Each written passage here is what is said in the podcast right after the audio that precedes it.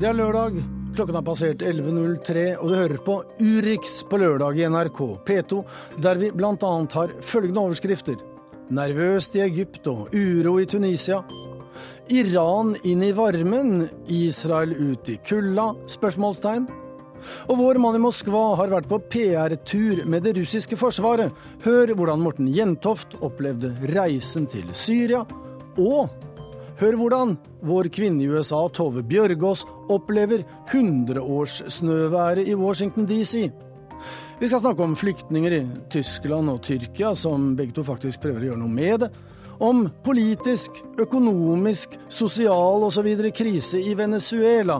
Og som vanlig, er faste påstandene, amerikansk presidentvalg og korrespondentbrevet som kommer fra Washington, men som handler om noe ganske annet enn presidentvalget.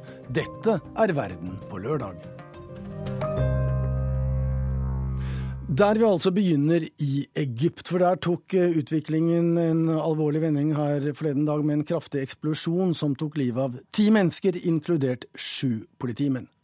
En IS-tilknyttet gruppe som holder til på Sinai, tok på seg ansvaret.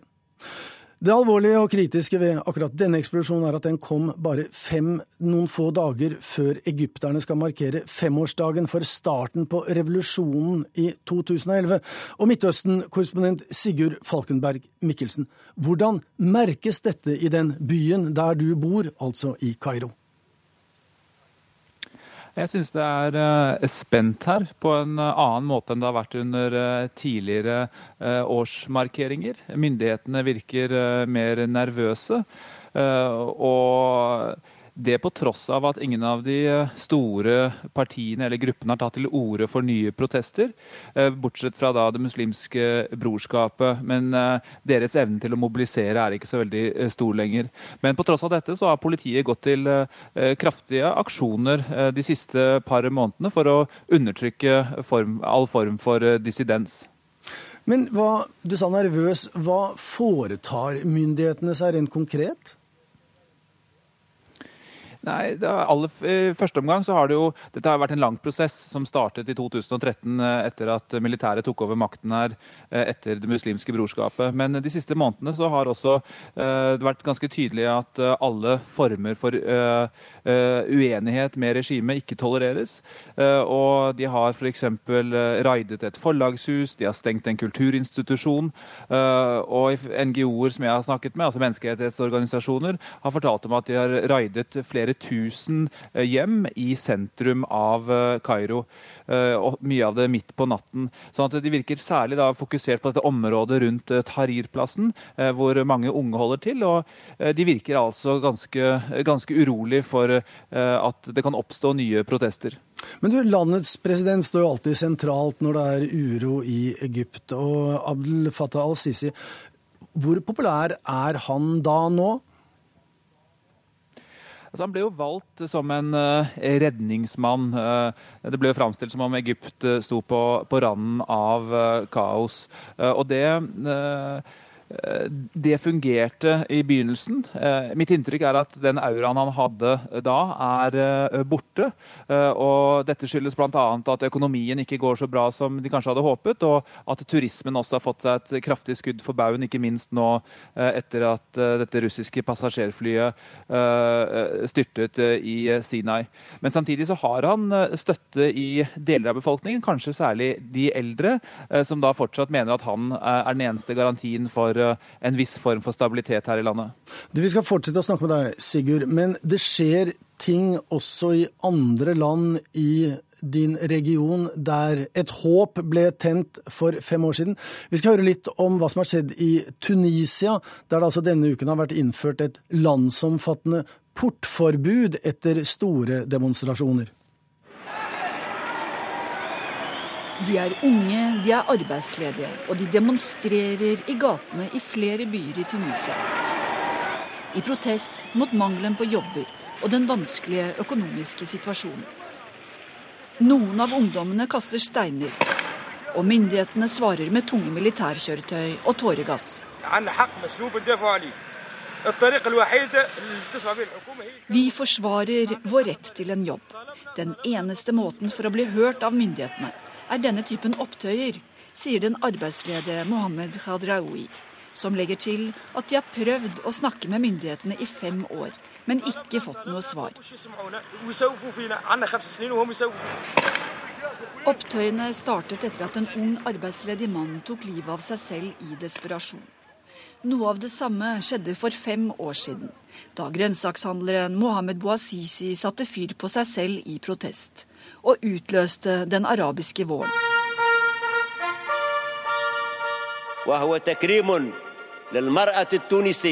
Those who claim that Islam and democracy are incompatible, or that Islamic and secular parties cannot work together for the good of society, need only look to Tunisia.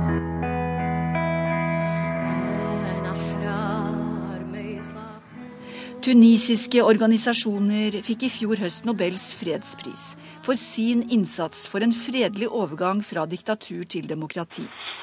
Men landet sliter fortsatt med en skyhøy arbeidsledighet. Mer enn en tredjedel av de unge står uten jobb. Verst er situasjonen for ungdom med høyere utdanning. Over 60% av dem har ikke jobb, ifølge OECD.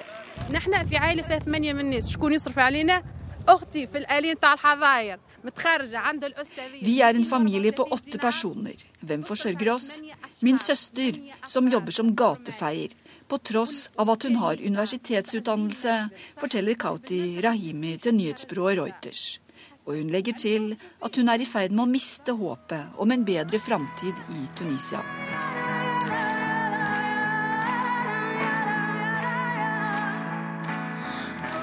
Ja, Reportere var Inger Marit Kolstadbråten, og jeg håper at du fortsatt er med oss, Sigurd Falkenberg Mikkelsen, Midtøsten-korrespondent. Dette er foruroligende, men, men hvor foruroligende er det som nå skjer i Tunisia?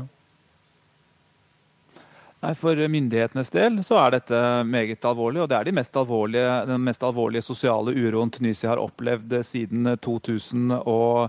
Og det er heller ikke tilfeldig at det begynner i Kasserin. Eh, dette er en fattig by eh, litt i innlandet, og det er en stor, stor forskjell mellom kystområdene og innlandet i Tunisia.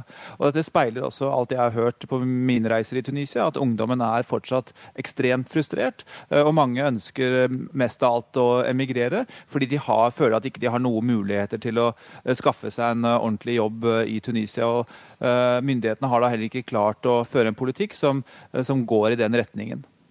Men Tunisia, som vi hørte da med fredsprisen, har vært et symbol på at denne arabiske våren jo faktisk var en suksess, i hvert fall ett sted. Vil det som nå allerede har skjedd, og kanskje til og med enda verre kommer til å skje i Tunisia, få negative konsekvenser for, fordi i andre arabiske land som fortsatt har levd i håpet om en politisk vår? Jeg tror I første omgang så er dette et uh, tunisisk uh, problem. Uh, og det, det, vi har sett som er interessant, er Tunisias president Beji Kaid Sepsi, som var på TV og holdt en tale til folket etter uroen. Eh, og hadde en helt annen tone enn det hans eh, eh, autokratiske forgjenger Sine Benali hadde. Han snakket om at han forsto demonstrantene og sa at den eneste veien til et verdig liv var å ha en ordentlig jobb. Men samtidig så er det et problem når mye av det gamle regimet da er tilbake ved, i maktposisjoner. Og også da at det er kanskje en ny politisk diskurs, men mye av den samme politikken føres, som bl.a. har ført til veldig store ulikheter i Tunisia. Så er det jo spørsmålet hvilke politiske konsekvenser dette vil få for det styrende eh, nå sekulærliberale eh, partiet, Nida Tones, som i tillegg allerede er splittet. og eh, Det kan godt være at dette vil føre til økt oppslutning om det islamistiske og mer moderate partiet Enada. Da sier vi takk til deg, Midtøsten-korrespondent Sigurd Falkenberg Mikkelsen fra Kairo. Men vi skal på et vis fortsette å forholde oss til, til, regionen. For en av de store og etter manges mening gode nyhetene nå på nyåret, det er at det internasjonale atomenergibyrået IAEA kunne bekrefte at Iran faktisk har overholdt sin del av den såkalte atomavtalen, og at de vestlige sanksjonene mot landet nå kan oppheves. Men dette ses på som dårlig nytt i Israel, som vi gjerne kan kalle Irans erkefiende. For mens Iran nå er på vei inn i varmen, er Israel, i hvert fall slik de selv ser det, på vei ut i kulden. For de presses nå av så vel USA som EU, som begynner å få nok av okkupasjonen og av myndighetenes behandling av palestinerne. This is a good day, because once again we're seeing what's possible with strong American diplomacy sa president Barack Obama sist helg da sanksjonene mot Iran ble hevet. Det var et historisk sus over tallen. Etter at Ayatollah Khomeini brakte den islamske revolusjonen til Iran i 1979, og en gruppe revolusjonære holdt over 50 amerikanere som gisler i over et år, har USA og Iran vært fiender. Men nå, snart 40 år senere, nærmer de to stormaktene seg hverandre igjen. Og Barack Obama snakket direkte til iranerne. You, especially young Iranians, have the opportunity to begin building new ties with the world. We have a rare chance to pursue a new path, a different, better future that delivers progress for both our peoples and the wider world. That's the opportunity before the Iranian people. Nå har dere en sjanse til å knytte nye bånd til verden. Bruk den muligheten, oppfordret presidenten. En som har kjempet mot denne tilnærmingen med nebb og klør, er USAs nære venn og allierte Israel. Benjamin Netanyahu gjorde alt han kunne for å forhindre den historiske atomavtalen som Obama-administrasjonen jobbet så intenst for å få til. Utenriksminister John Kerry refset Netanyahu for å ikke vite hva han snakket om. Denne uken ble det mer tydelig enn før. Mens Iran er på vei inn i varmen, opplever Israel økende isolasjon og press utenfra. For første gang kritiserte USAs ambassadør i Israel landet for dobbeltstandard og opererer med én lov for israelere og en annen for palestinere. Too many attacks on Palestinians, lack of vigorous investigation or response by Israeli authorities. Too much vigilantism goes unchecked, and at times there seem to be two standards of adherence to the rule of law. One for Israelis and another for Palestinians. Det er liten interesse for å etterforske angrep mot palestinere. Det synes å være to standarder for rettssikkerheten her, sa ambassadør Daniel Shapiro. Sveriges utenriksminister Margot Wallstrøm etterlyser troverdige granskinger som viser om israelske styrker har utført utenomrettslige henrettelser av unge palestinere. For palestinske ungdommer som stikker ned jøder på gaten med kniv eller sjaks, eller forsøker å angripe noen, blir skutt på stedet. Få blir arrestert for å stilles for retten. De blir stort sett bare drept uten at spørsmål stilles. Og dette uroer den svenske utenriksministeren. Even MR-organisasjoner og folkerettseksperter har uttrykt lignende farhågor. Det er sentralt at det gjøres grundige og troverdige undersøkelser kring disse dødsfall i syfte å bringe klarhet og få til stånd mulig ansvarsutkrävande. Videre står EU fast på sine retningslinjer om at varer produsert i de ulovlige bosettingene på okkupert land skal merkes. Dette som en veiledning for at kunder i Europa skal kunne velge bort disse varene. I Israel er reaksjonene meget sterke på den økende kritikken. Israel, totally Vi reagerer på at vi behandles annerledes enn andre land. Dette er dobbeltmoralsk, sier Emanuel Nachson, talsmann for det israelske utenriksdepartementet. Men EU holder fast på at den okkuperte Vestbredden er nettopp det, okkupert, og at bosetteraktiviteten er i strid med folkeretten. Derfor vil EU i større grad skille mellom okkupert land og selve Israel, både økonomisk og politisk. Israels regjering anklager europeerne for å ville innføre en boikott. Men EU får støtte fra Israels beste venn USA. Vi mener bosetteraktiviteten er ulovlig og et hinder for fred, og vi ser ikke merking av bosettervarer som en boikott av Israel, sa John Kirby, talsmann for Utenriksdepartementet i USA. Den svenske utenriksministeren er en antisemitt, mente Israels utdanningsminister Naftali Bennett. Statsminister Netanyahu gikk ikke fullt så hardt ut. Minister. It's outrageous, it's immoral,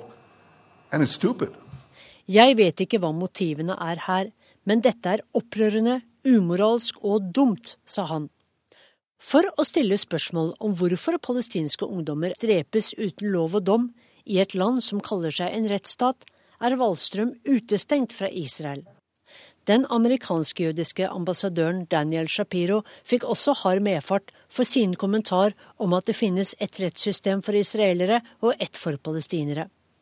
Netanyahu kalte kommentaren hans for uakseptabel og gal, men størst oppsikt vakte uttalelsen fra TV-kommentatoren Aviv Bushinski, som kalte USAs ambassadør for en jødegutt, et svært nedsettende og antisemittisk uttrykk om andre bruker det. Denne uken er en israelsk delegasjon i Davos for å mingle med verdens politiske og økonomiske tenkere og jetsettere. Men redselen er at langt flere eventuelt ønsker å mingle rundt Irans president Hassan Rouhani enn rundt Benjamin Netanyahu. For mens toneangivende politikere, ledere og entreprenører dro til Davos, planla Israels regjering å ta over mer palestinsk land på Vestbredden. Og ingen vet hva Netanyahus plan for en fredsløsning er, eller om han har noen plan. Vi er i ferd med å bli dem folk snakker om og ikke med, skrev en israelsk kommentator bekymret for en tid siden. Og det sa vår reporter Sissel Wold.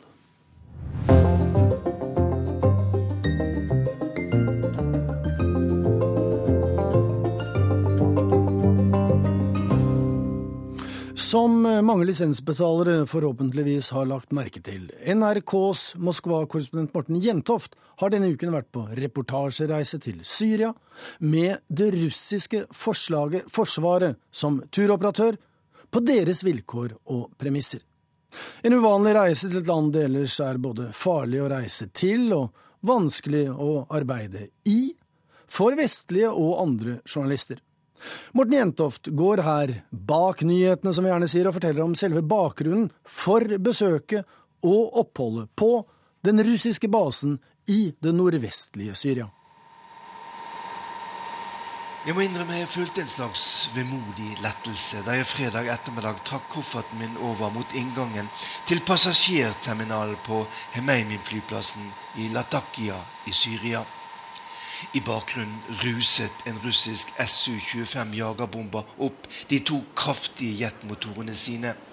Over det beskjedne inngangspartiet på terminalbygningen stirret det ufølsomme ansiktet til den syriske presidenten Bashar al-Assad ned på meg. Tre dager på tur med det russiske forsvarsdepartementet til Syria var nesten ved veis ende. Ute på oppstillingsplassen sto det store Ilushin 62 passasjerflyet klar til å frakte oss nærmere 50 journalister, fotografer og medhjelpere tilbake til Moskva. Задача у них одна – это уничтожение инфраструктуры Gang på gang de siste tre dagene hadde vi fått høre stemmen til denne mannen, generalmajor Igor Konasjenko. Han fortalte oss hvorfor Russland har satt i gang noe de ikke har gjort siden Sovjetunionen gikk inn i Afghanistan i 1979.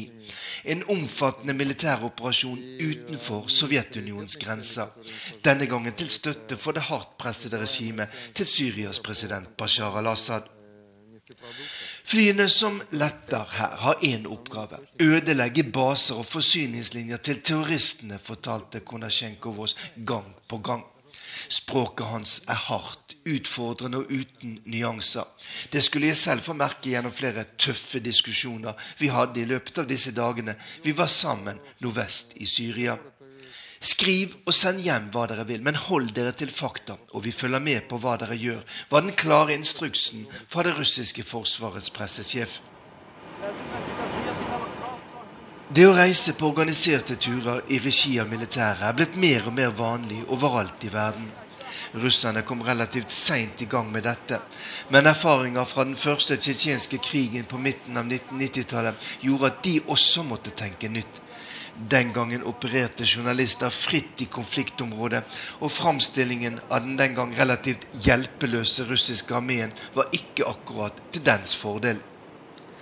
Siden den gangen har det skjedd mye, og da NRK møtte opp ved det nyoppussede, gigantiske russiske forsvarsdepartementet på Fronsenskaja Naberezjnaja ved Moskva-elven tirsdag kveld, ble vi møtt av smilende og langhårede Maria, som sammen med flere andre unge engelsktalende offiserer sa at det var dem vi skulle forholde oss til under denne turen til Syria de nærmeste dagene.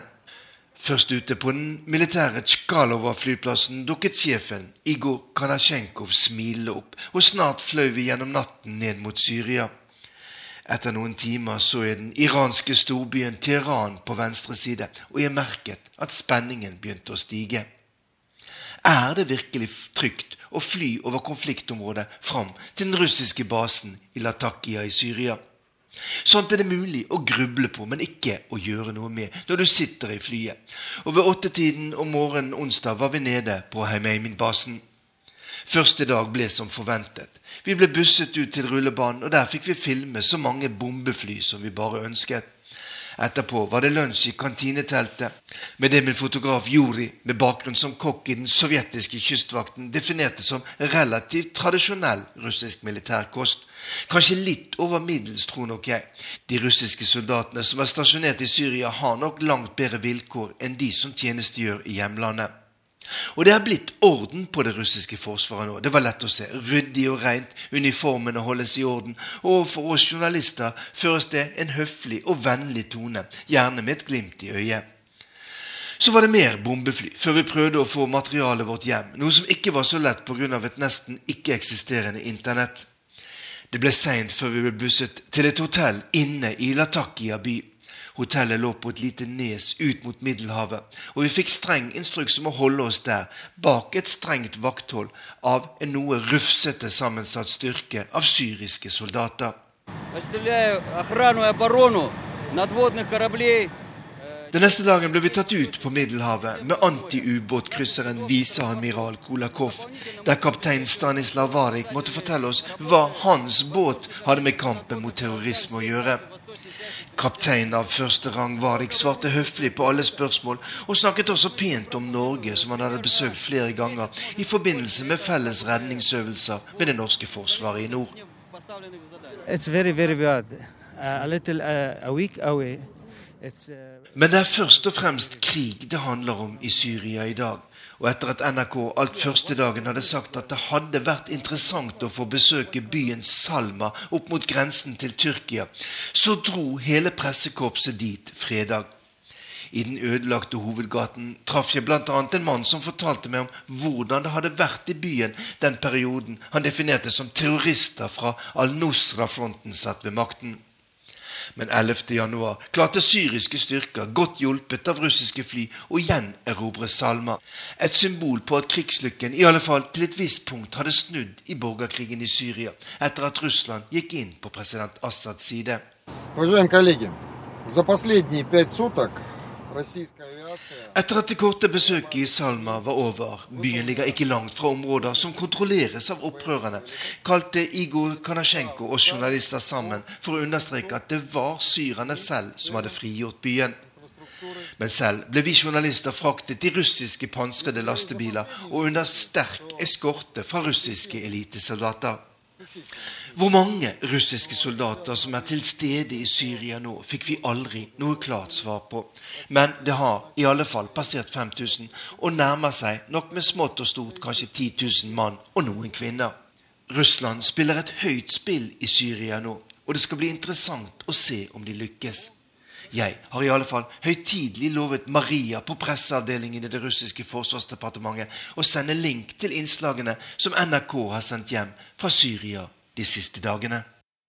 Ja, og Syria er eh, på en måte bakteppet også for det neste innslaget, som dreier seg om flyktningekrisen. Tyskland har tatt imot 1,1 millioner immigranter det siste året, mens eh, Tyrkia nå huser 2,2 millioner syriske flyktninger. I går møttes de to lands regjeringssjefer i Berlin, og migrasjon av alle typer sto på dagsorden. De ønsket begge å gjøre noe med de grunnleggende problemene som fører til krise og til tragedier, som i Egerhavet i går. Gummibåter overfylt med flyktninger tas imot av hjelpearbeidere på den greske øya Lesbos. De er nedkjølt, men de har livet i behold. Bare noen timer tidligere druknet minst 42 migranter i det samme vannet da de forsøkte å komme seg over fra Tyrkia.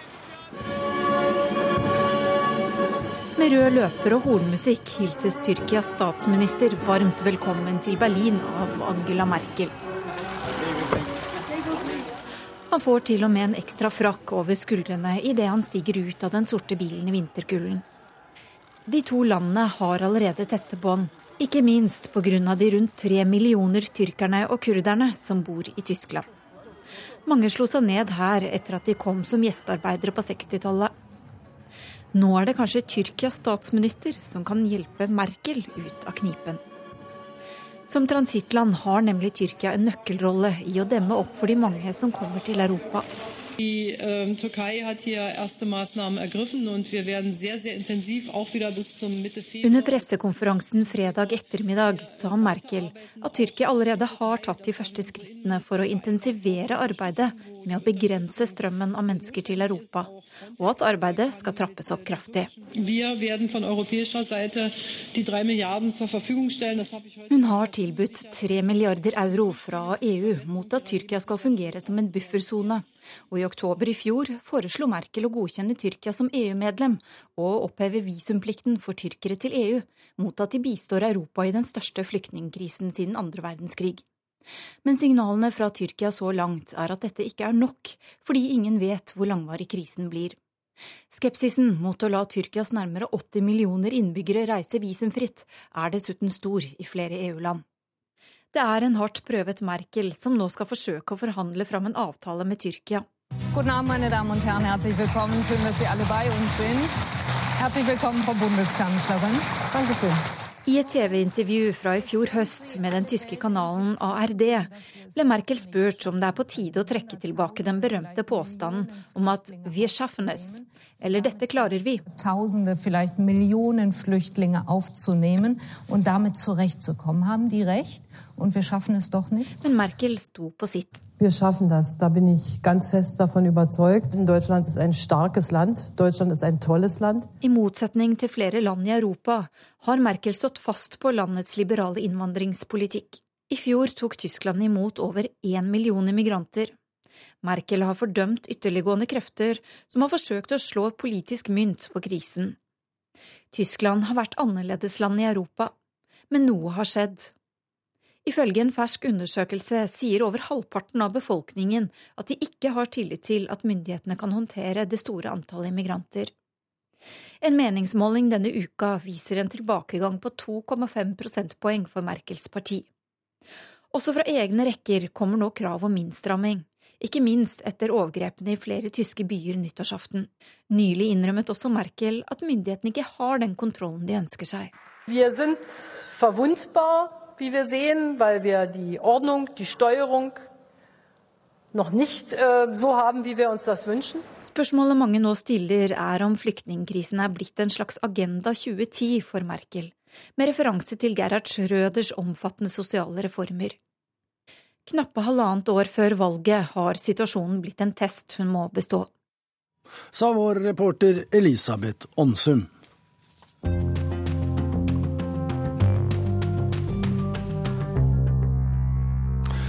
Da skal vi til et land som er særlig hardt rammet av fallet i oljeprisen, og det er ikke Norge, men Venezuela.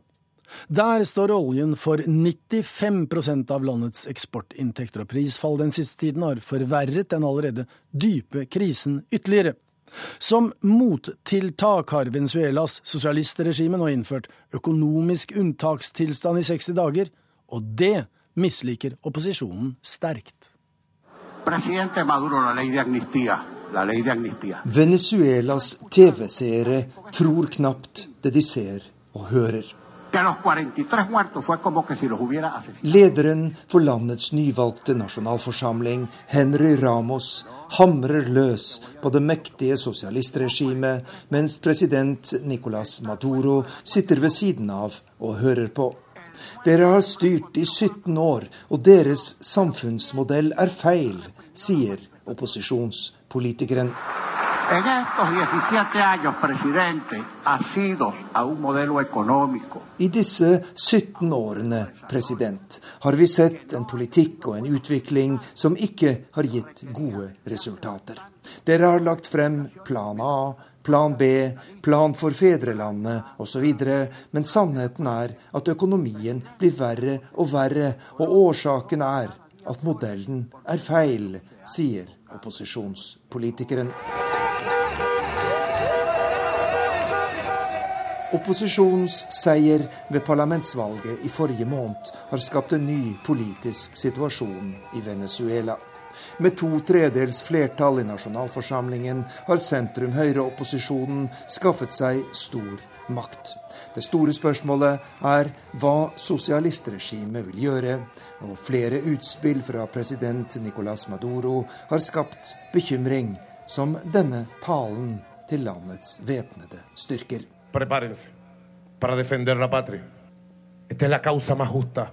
Forbered dere på å forsvare fedrelandet. Det er den mest rettferdige sak noen kan kjempe for. Vi kan ikke tillate at høyresiden benytter sin nye makt til å ødelegge alt vi har ofret så mye for å oppnå, sier Venezuelas president. Men i parlamentet har Nicolas Maduro vært mer forsiktig, og i sin tale til nasjonen nylig kom han med denne innrømmelsen.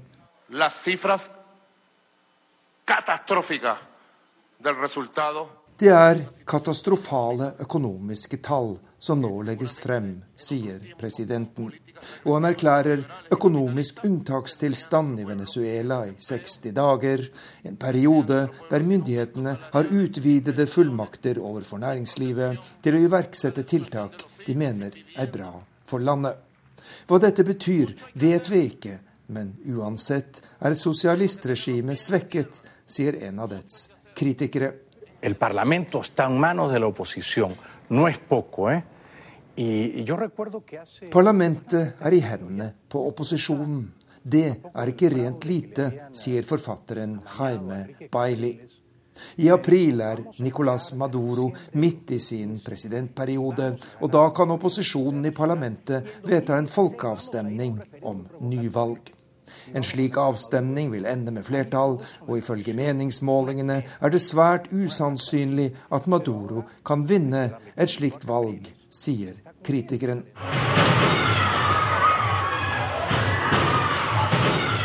Rasende mennesker prøver å ta seg inn i en matforretning i hovedstaden Caracas ved å kjøre store handlevogner inn i dørene. De er sultne og desperate etter å ha stått i kø i flere timer. Det er mangel på alt i Venezuela. Matvarer, forbruksvarer og medisiner. Og så snart det dukker opp varer i en butikk, danner det seg lange køer. Sosialistregjeringen sier det er økonomisk sabotasje fra opposisjonen som er årsaken til problemene. Men de fleste eksperter legger skylden på regjeringen og mener at nasjonaliseringen av landbruk og industri har vært en katastrofe for Venezuela. Uansett viser valgresultatet i forrige måned at stadig flere venezolanere nå ønsker et maktskifte. Dere har hørt Arnt Stefansen, som er vår mann i Latin-Amerika. Men nå skal det dreie seg om Nord-Amerika, for der er vorspielet til det amerikanske presidentvalget snart over.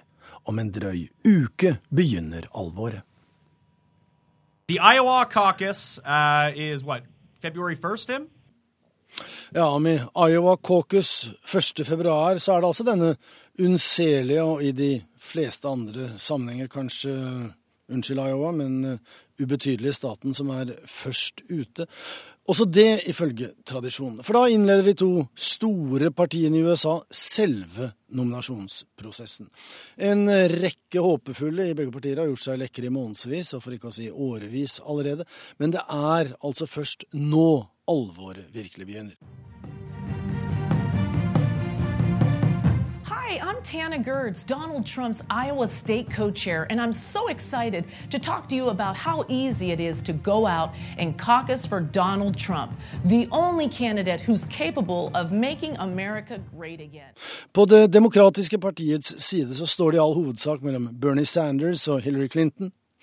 Den tidligere førstedamen er favoritt til å vinne selve nominasjonen på Kongressen til sommeren, men utfordreren Bernie Sanders han ligger ikke bare godt an i Iowa, der leder han faktisk, kan det i hvert fall se ut til på meningsmålingene.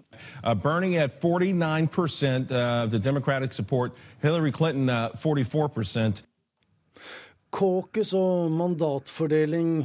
Wenche Eriksen, kollega og tidligere USA-korrespondent for NRK. Aller først må du hjelpe oss å redegjøre for hva er et caucus? Det er ikke verre enn et eh, lokallagsmøte i et politisk parti hvor eh, medlemmene kommer sammen eh, i USA for å ytre seg om eh, hvem de støtter av presidentkandidatene som partiet har. Vi kan kanskje huske nå først, når vi snakker om caucus nå og hele den primærvalgsesongen, så er det ikke republikaner mot demokrat, men det er innad i hvert parti, nominasjonsprosessen i hvert parti. Og et sånt caucus da i Iowa, det kan være et nabolagsmøte, nærmest, fordi det kan være mellom kanskje bare åtte mennesker til, styk, til stede, og kanskje er det 800. Eh, disse møtene finner sted i ja, hjemme hos noen, på biblioteker, gymsaler, eh, skole, klasserom på skoler. Eh, og så skal de rapportere inn resultatene videre. Først til fylkeslaget, og så går det videre. Og så kanskje det går litt mer direkte for demokratene enn for republikanerne, men for republikanerne f.eks. er det først eh, etter et par måneder at de har landsmøtedelegatene sine klare. Så dette er liksom begynnelsen av prosessen. Men altså, dette er begynnelsen. Iowa er jo da en relativt lite representativ stat på mange måter. Den er f.eks. hvitere enn de fleste andre, i den forstand at nærmere 90% av innbyggerne der er hvite av europeisk eh, herkomst. Og det er mange bønder, altså folk som bor på landet, og de er ofte konservative. Og et slikt caucus, det er jo da veldig spesielt. Dette får jo en enorm oppmerksomhet fordi det er først, men kan da på en måte hele valgprosessen Iowa sender jo signaler kan den komme litt skeivt ut hvis da noen, en dark horse vinner i Iowa, som i og for seg ikke er favoritt på landsbasis? Det er det eh, caucuses og primærvalg veldig ofte dreier seg om. Kanskje ikke hvem, nødvendigvis hvem som gjør det best, som får flest stemmer, men hvem som gjør det uventet bedre eller dårligere enn det alle trodde på forhånd. Eh, og så kan man si ja, det er veldig lite representativt det som skjer i Iowa. Ikke bare eh, utgjør, er liksom hvitere og mer landige enn en folk ellers i USA, men eh, har bare 1% av USAs befolkning, og bare 6% av folk i Iowa deltar i sånne kakiser. Så vi snakker om ganske få mennesker som tross alt har ganske stor innflytelse eh, videre i prosessen. Dette er det første, den første reelle testen på hvem som klarer å mobilisere støtte blant velgerne. Og Derfor er det veldig viktig. Men på den annen side, om man kommer litt skeivt ut, som du sier her, så er ikke det så farlig. Fordi samme natt som eh, resultatene i Iowa er klare, så er både politikere og mediene på veien videre til New Hampshire, hvor neste, det første primærvalget er, altså åtte dager senere. Neste korsvei. Eh, så da er på en måte Iowa glemt. De har sine 15 minutes of fame, som riktignok har vart i over et år allerede. Men videre prosessen så har ikke de noe side side. De har spilt sin rolle sånn sett i nominasjonsprosessen. Men nå nevnte du New Hampshire, og så sa du eh, primærvalg. Der legger man jo da en stemmeseddel i en urne. Men kan man ikke da, sånn som i Iowa, hvis det er ved håndsopprekning eller ved at man skal gå og stille seg sammen med de man sympatiserer med, eh, er det ikke da et svært gruppepress? Det er ikke noe hemmelig valg. Ja, for de gjør det, gjør begge partiene det, at de rekker opp hånda? Det er forskjell. Um, det har vært veldig varierende, og det, og det skifter fra gang til gang, faktisk. Nå er det slik at eh, i 2016 at republikanerne har eh, hemmelig avstemning. Altså de leverer papirlapper og krysser av på, på cellene. Hos demokratene er det nesten som en selskapslek. Da er det slik at eh, tilhengeren til Hillary Clinton går eh, bort i det ene hjørnet, og tilhengeren til Bernie Sanders eh, går i det andre hjørnet. Og hvis det er noen der som stemmer på Martin O'Malley, så stiller de seg opp i en gruppe. Og så har de da kanskje til og med det, det, det, heter seg slik at man lokker til seg folk med cookies og litt av hvert sånn, så det er nesten som en selskapslek. Og de har da en sperregrense f.eks. på 15% Og hvis f.eks. O'Malley ikke når opp eh, med 15% i det lokalet der vi er nå. Eh, så får eh, folk en eh, ny runde på en måte. Enten kan de forsøke, O'Malley-gruppen eller Clinton-gruppen, forsøke å få flere over til sin gruppe, sånn at man til slutt har beslutningsdyktige grupper, for å si det sånn. Og så kan man stemme om igjen til man har faktisk grupper der enn, eh, som har mer enn 15% av de menneskene som er til stede. Hos demokratene, i og med at de bare har tre kandidater, så vil det da være Bernie Sanders og Hillary Clinton. Ja, og Så får vi heller snakke om de tolv republikanske kandidatene ved en senere korsvei. Der dreier jo mye seg om Donald Trump og Ted Cruz, i hvert fall i Iowa i denne omgang. Takk til deg, Wenche Eriksen, for nå skal vi til en by der både du og for så vidt jeg har bodd, Washington DC. For der snør det! Og da sier de ikke akkurat tidlig bom på de kanter. Det er varslet både kaos og krise der. Og byen blir angrepet, som de da så flott sier, av Snowzilla. Det er kanskje det verste snøværet på 100 år på de kanter, og kollega Tove Bjørgaas hun gjør som naboene, hun hamstrer. I was born in New York. We had this all the time when I was growing up, so just DC doesn't really know how to Well, you have a lot of people from other parts of the world that live here that aren't used to snow, so driving can be very perilous. Patricia forklarer hvorfor det blir slikt kaos hver eneste gang det snør her i den amerikanske hovedstaden. Den middelaldrende kvinnen fra New York er ikke bekymret for det som ligger foran oss. Hun mener innflyttere fra andre byer og land har det meste av skylda for at det ser slik ut som det gjør her inne på vårt lokale supermarked. Patricia og jeg står ved hyllene for meieriprodukter, men de er svarte. Det er ikke så mye som en fløteskvett igjen. Things, uh, so like og jeg som hadde tenkt å bruke fridagene til å bake, sukker Patricia, som nå må legge planen på is. This is a serious storm, Winter Storm Jonas. Når du har bodd i Washington en stund, blir du vant til opplegget. Look out, Washington DC. Meldingen kommer noen dager i forveien. Stor snøstorm ventet. Lokale medier går bananas. Så begynner folk å gjøre det samme. De hamstrer og hamstrer. Og skal du ha melk, egg eller brød, er det bare å komme seg til butikken minst 24 timer før uværet setter inn. Skal du sikre deg store lommelyktbatterier, må du være enda tidligere ute. Og ifølge borgermester Muriel Bowser kan de batteriene komme godt med de neste dagene. Uh, heavy, uh, uh,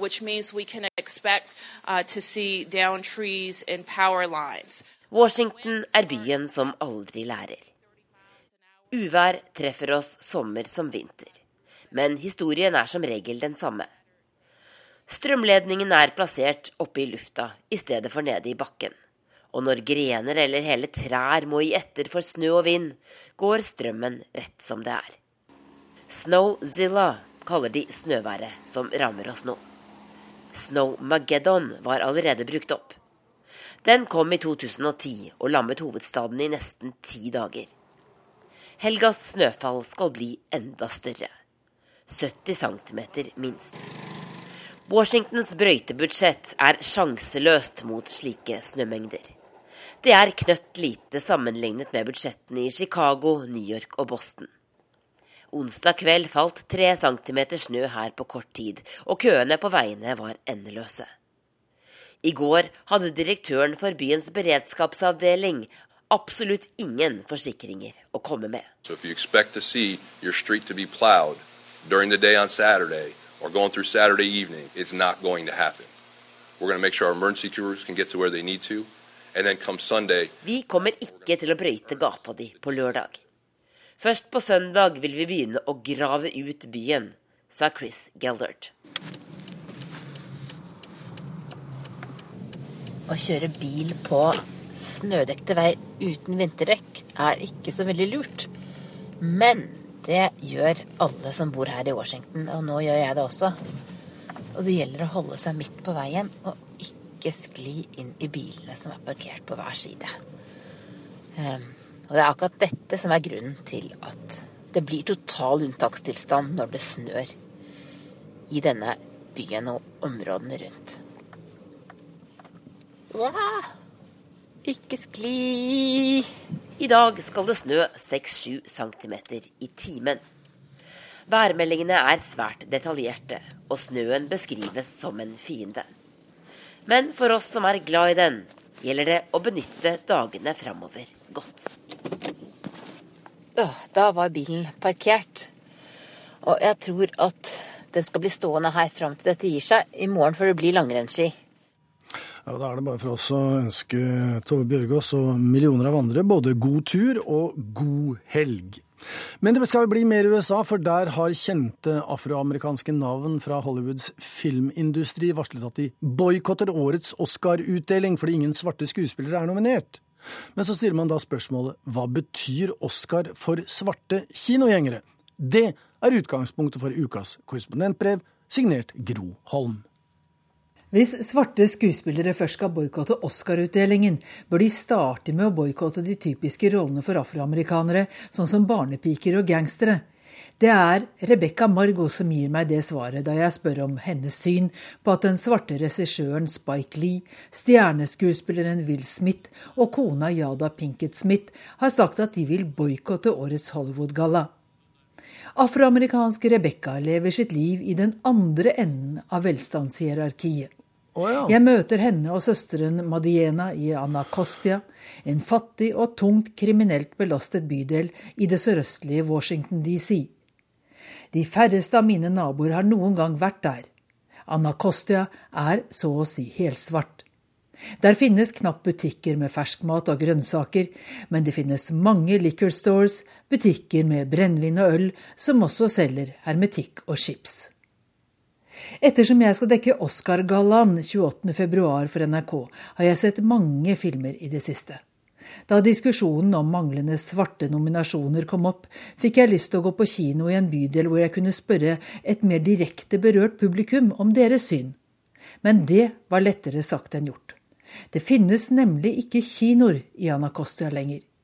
En av de mest kjente, Anacostia Movie Theater, lå på 1415 Good Hope Road. Den ble åpnet av Oscar-vinneren Ginger Rogers i 1947, men stengt for godt allerede i 1967. Jeg dro dit. Kinoer vil ikke overleve her. Folk ser film på DVD eller laster ned på nettet hvis de har internett, sier Ricky Sanders. Jeg nærmest løper etter den godt voksne mannen forbi graffitivegger og småbutikker uten kunder. Han er på vei til et møte og har ikke tid til å stoppe. Hvorfor ingen svarte er nominert? Jeg vil ikke engang kalle det rasisme. Men Oscar er et fullstendig ensidig arrangement.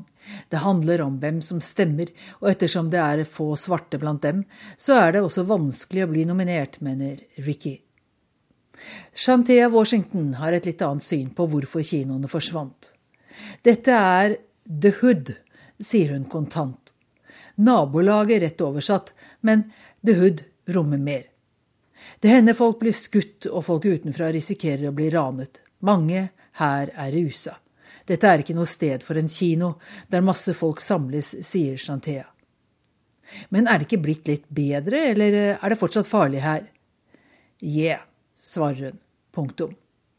Om hun skal se noen av de Oscar-nominerte filmene? Å nei, jeg er ikke interessert i sånne filmer. Jeg foretrekker skrekkfilmer og særlig komedier. Jeg har ikke behov for å se drama på film også. Det er nok drama i livet mitt, forklarer Shantea. Helst vil hun se filmer med svarte skuespillere, de ligner mer på henne. Komedier, skrekkfilm, action. Det er svarene jeg får fra alle de rundt 15 i Anacostia jeg spør om hva slags filmer de foretrekker. Blant de 15 treffer jeg én som har sett en Oscar-nominert film. Det dreier seg om Creed, der den fordums Rocky-skuespilleren Sylvester Stallone er nominert for sin birolle som boksetrener for sønnen til en tidligere rival, en afroamerikansk unggutt. Min kinogjenger, Jonathan, river til daglig hus og foretrekker, i likhet med de andre, egentlig komedier. Heller ikke han har sett Concussion, eller hjernerystelse, der Will Smith spiller en patolog som oppdager sportsrelaterte hjerneskader hos flere avdøde stjerner i amerikansk fotball. Will Smith er blant dem som håpet forgjeves på en Oscar-nominasjon i år. Kinoene ligger for langt unna, unnskylder Jonathan seg med. Den nærmeste ligger rundt åtte kilometer unna med bil, og bil er luksus i The Hood i Anacostia. Men ikke for en norsk korrespondent, så jeg drar sørover til Oxenhill for å se komedie. Kinosetene er bredere og dypere enn i noen annen kino jeg har besøkt i området rundt den amerikanske hovedstaden. Det er store holdere til pappkrus på armlenene, og i tillegg plass til popkorn eller isoporbokser med varmmat. Foran meg sitter et afroamerikansk par med en bitte liten baby. Etterpå bringer jeg på det rene at det er en far med datter og datterdatter. Vi ser Ryder Long 2, en actionkomedie om narkosmugling, en mafiaboss og korrupte havnesjefer i Miami. Stjernene er en vimsete, svart politimann som gjerne vil vise sin kommende supersexy kone og politimannssvoger at han duger som detektiv. Ellevilt og tullete, men flere av de rundt 30 som ser filmen sammen med meg, ler og kommenterer høylytt underveis. Veldig god film, sier bestefar Dirk DeBorrow idet vi forlater kinosalen. Det er da ikke noe nytt at svarte ikke blir nominert til Oscar. De som nominerer, ser på komedie som en vits, mener Dirk. Derfor føler mange svarte amerikanere at Oscar egentlig ikke angår oss. Det handler like mye om klasse som om rase, mener NRKs afroamerikanske fotograf Will. Veldig mange Oscar-nominerte filmer handler om hvite middelklassemennesker i krise, eller hvite i kamp mot nesten uoverkommelige utfordringer. Middelklasse er en temmelig vid kategori her i USA, men den omfatter helt klart ikke gjennomsnittsborgeren i bydelen Anacostia i DC. Ta de åtte filmene som er nominert til Oscar som årets beste. To av dem, The Marchin og The Revenant, handler om hvite menn som blir forlatt av sine reisefeller på henholdsvis Mars og i iskald ødemark full av fiender på to og fire bein. Mot alle odds klarer både Matt Dammons og Leonardo DiCaprios skikkelser seg. Det gjør også mor og sønn, som holdes fanget i et bitte lite rom av en syk mann i sju år før de klarer å flykte i filmen Room. I Carol må Kate Blanchett velge mellom lesbisk kjærlighet og foreldreretten til sin datter, mens den irske innvandrerkvinnen i filmen Brooklyn slites mellom nyvunnen kjærlighet til New York og kjærligheten til familien og landet hun dro fra. Filmen Spotlight skiller seg ut fordi den er bygget på en sann historie om hvordan journalister i avisa Boston Globe avdekket historien om over 250 pedofile katolske prester bare i Boston-området.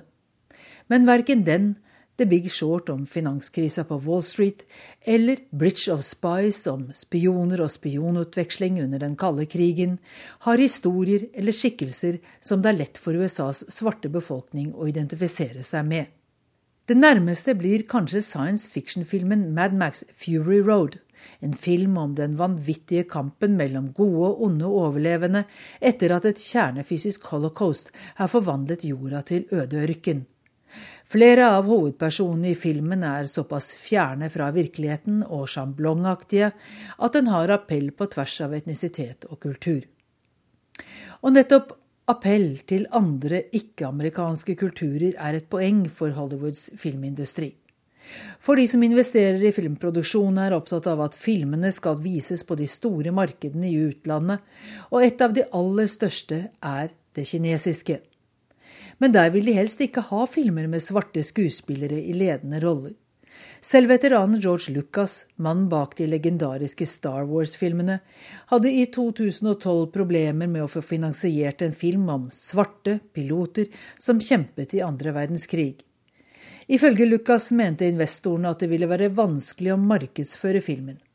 Presidenten i akademiet som deler ut The Academy Awards, populært kalt Oscar, er kvinne og afroamerikaner. Mangelen på mangfold gjør meg frustrert, sa hun etter at årets nominasjoner ble kjent. Hun lovet å endre akademiets sammensetning. Men det dreier seg om nesten 6000 mennesker med stemmerett, og det er ikke gjort i en fei å sørge for en annen etnisk profil på en så stor gruppe, som dessuten gjenspeiler maktforholdene i den nåværende amerikanske filmindustrien. På 1970-tallet fantes det en filmsjanger kalt blaxploitation, stort sett historier fra fattige, svarte bydeler. Det var krim, action, skrekk, komedie og musikaler. Filmene var fulle av halliker, gangstere, sex og vold, og det var svarte i nesten alle roller. Pistolen er viktigere enn drømmen, skrev Time Magazine. Men filmene trakk millioner av svarte kinogjengere. Bare én av dem, Shaft, fikk Oscar, og det for beste originalsang. Filmsjangeren ble aldri akseptert som likeverdig, verken av eliten i Hollywood eller av USAs svarte intelligensia. Det er delt ut Oscar-priser i 87 år, men bare 15 afroamerikanere har fått prisen for sine skuespillerprestasjoner. Og med gravitasjonskraften fra det asiatiske markedet i bakhodet, er det minst like sannsynlig at vi i ganske nær framtid får flere amerikanske asiater i filmene fra Hollywood. I hvert fall slike som ikke handler om gjengoppgjør i svarte bydeler, eller om slaveriet. Sa Gro Holm. Urix på lørdag er ved veis ende. Teknisk ansvarlig var Finn Lie. Produsent Kari Bekken Larsen. Og i studio Joar Hoel Larsen.